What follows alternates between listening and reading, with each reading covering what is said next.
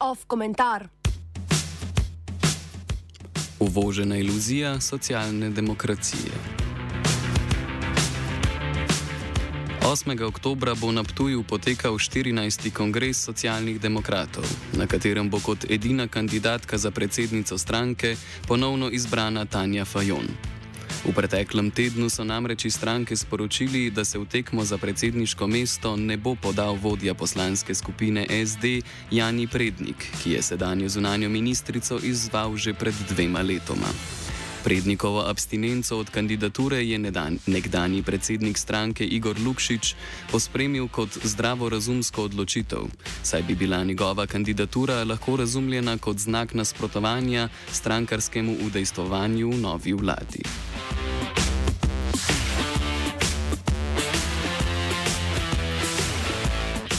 A nezadovoljstvo se je kot zgodna jesenska ljubljanska megla iz globin socialdemokratov vilo že med pomladno predvolilno kampanjo. Prednikova morebitna izvolitev na čelo stranke ne bi bila nič drugega kot jasen izraz želja po spremembah, ki smo jih od socialnih demokratov vajeni že desetletje. Natančneje od leta 2012, ko se je Borut Pahor z Levstikove preselil v predsedniško palačo.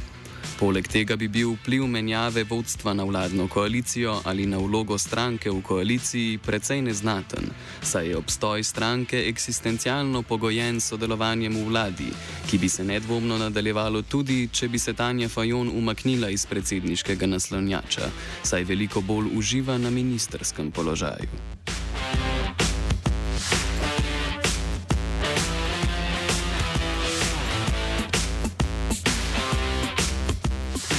Odločitev Janja Prednika, da na strankarskem kongresu ne bo kandidiral, ima drugačne temelje.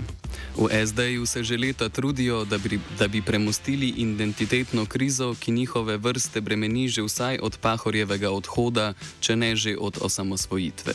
Srž njihove identitetne krize je neprestana nuja po sanaciji diskrepance med politično ideologijo, socialno demokracijo in preteklimi dejanji strankarskih funkcionarjev, ki so v 30 letih sprejemali odločitve diametralno nasprotne temu, kar naj bi socialna demokracija bila. Samo oklicani socialni demokrati niso brzdali kapitalističnega trga, da bi lahko reformirali socialne politike v korist delavskega razreda. Temveč so od osamosvojitve razvili le svoj operacijski modus, ki ga, ki ga lahko zvedemo na spretnost kadrovanja, mreženja v dobičkonosnih gospodarskih panogah in reprodukcijo fraze o močni levo-sredinski stranki.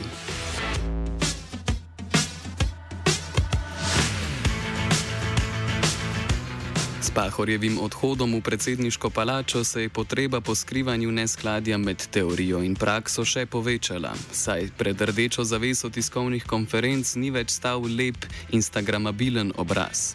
Pahorja je sprva zamenjal nekdo, ki je na fakulteti za družbene vede razpolagal z vprašljivimi ezoteričnimi metodami. Na to je vodenje prevzel nedejaven in neprodoren dejan židan.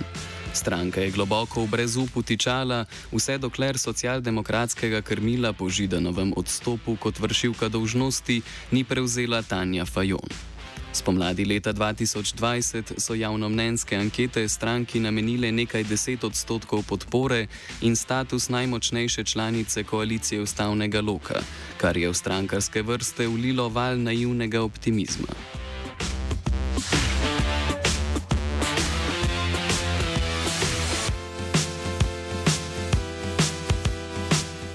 Medijski veter, ki je Tanjo Fajon ukoval v čevlje prve ženske na čelu katerekoli tradicionalne politične stranke v Sloveniji in morebitne predsednice vlade, ni trajal dolgo.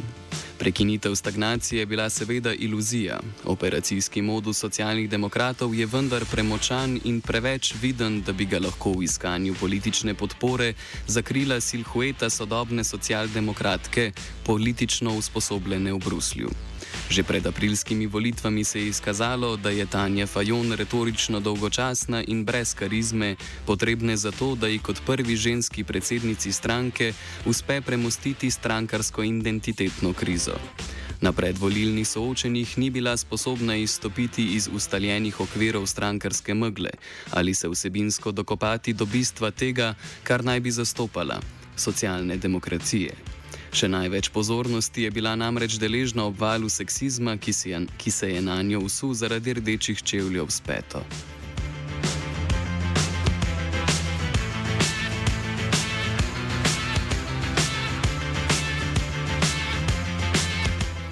Zakaj v stranki SD potem takem še zmeraj ustrajajo stanjo Fajon na čelu? Ker je najboljše in praktično edino, kar lahko stranka trenutno ponudi. Kljub temu, da je vsebinsko votla in formalno medla, lahko volilnemu telesu ponudi spektakelsko podobo socialdemokratke, ki v liberalno-feministični drži govori o ženski energiji, zelenem prehodu in pravični prihodnosti Evrope. Ker se je stranki pridružila šele pred dobrim desetletjem in je večino časa delovala zunaj slovenske politike v Evropskem parlamentu, lahko najučinkoviteje med vsemi etabliranimi člani in članicami stranke prodaja svojo neobremenjenost strankarsko. Privatizersko in aferaško preteklostjo, za katero se v javnih nastopih tudi sama ustrajno opravičuje.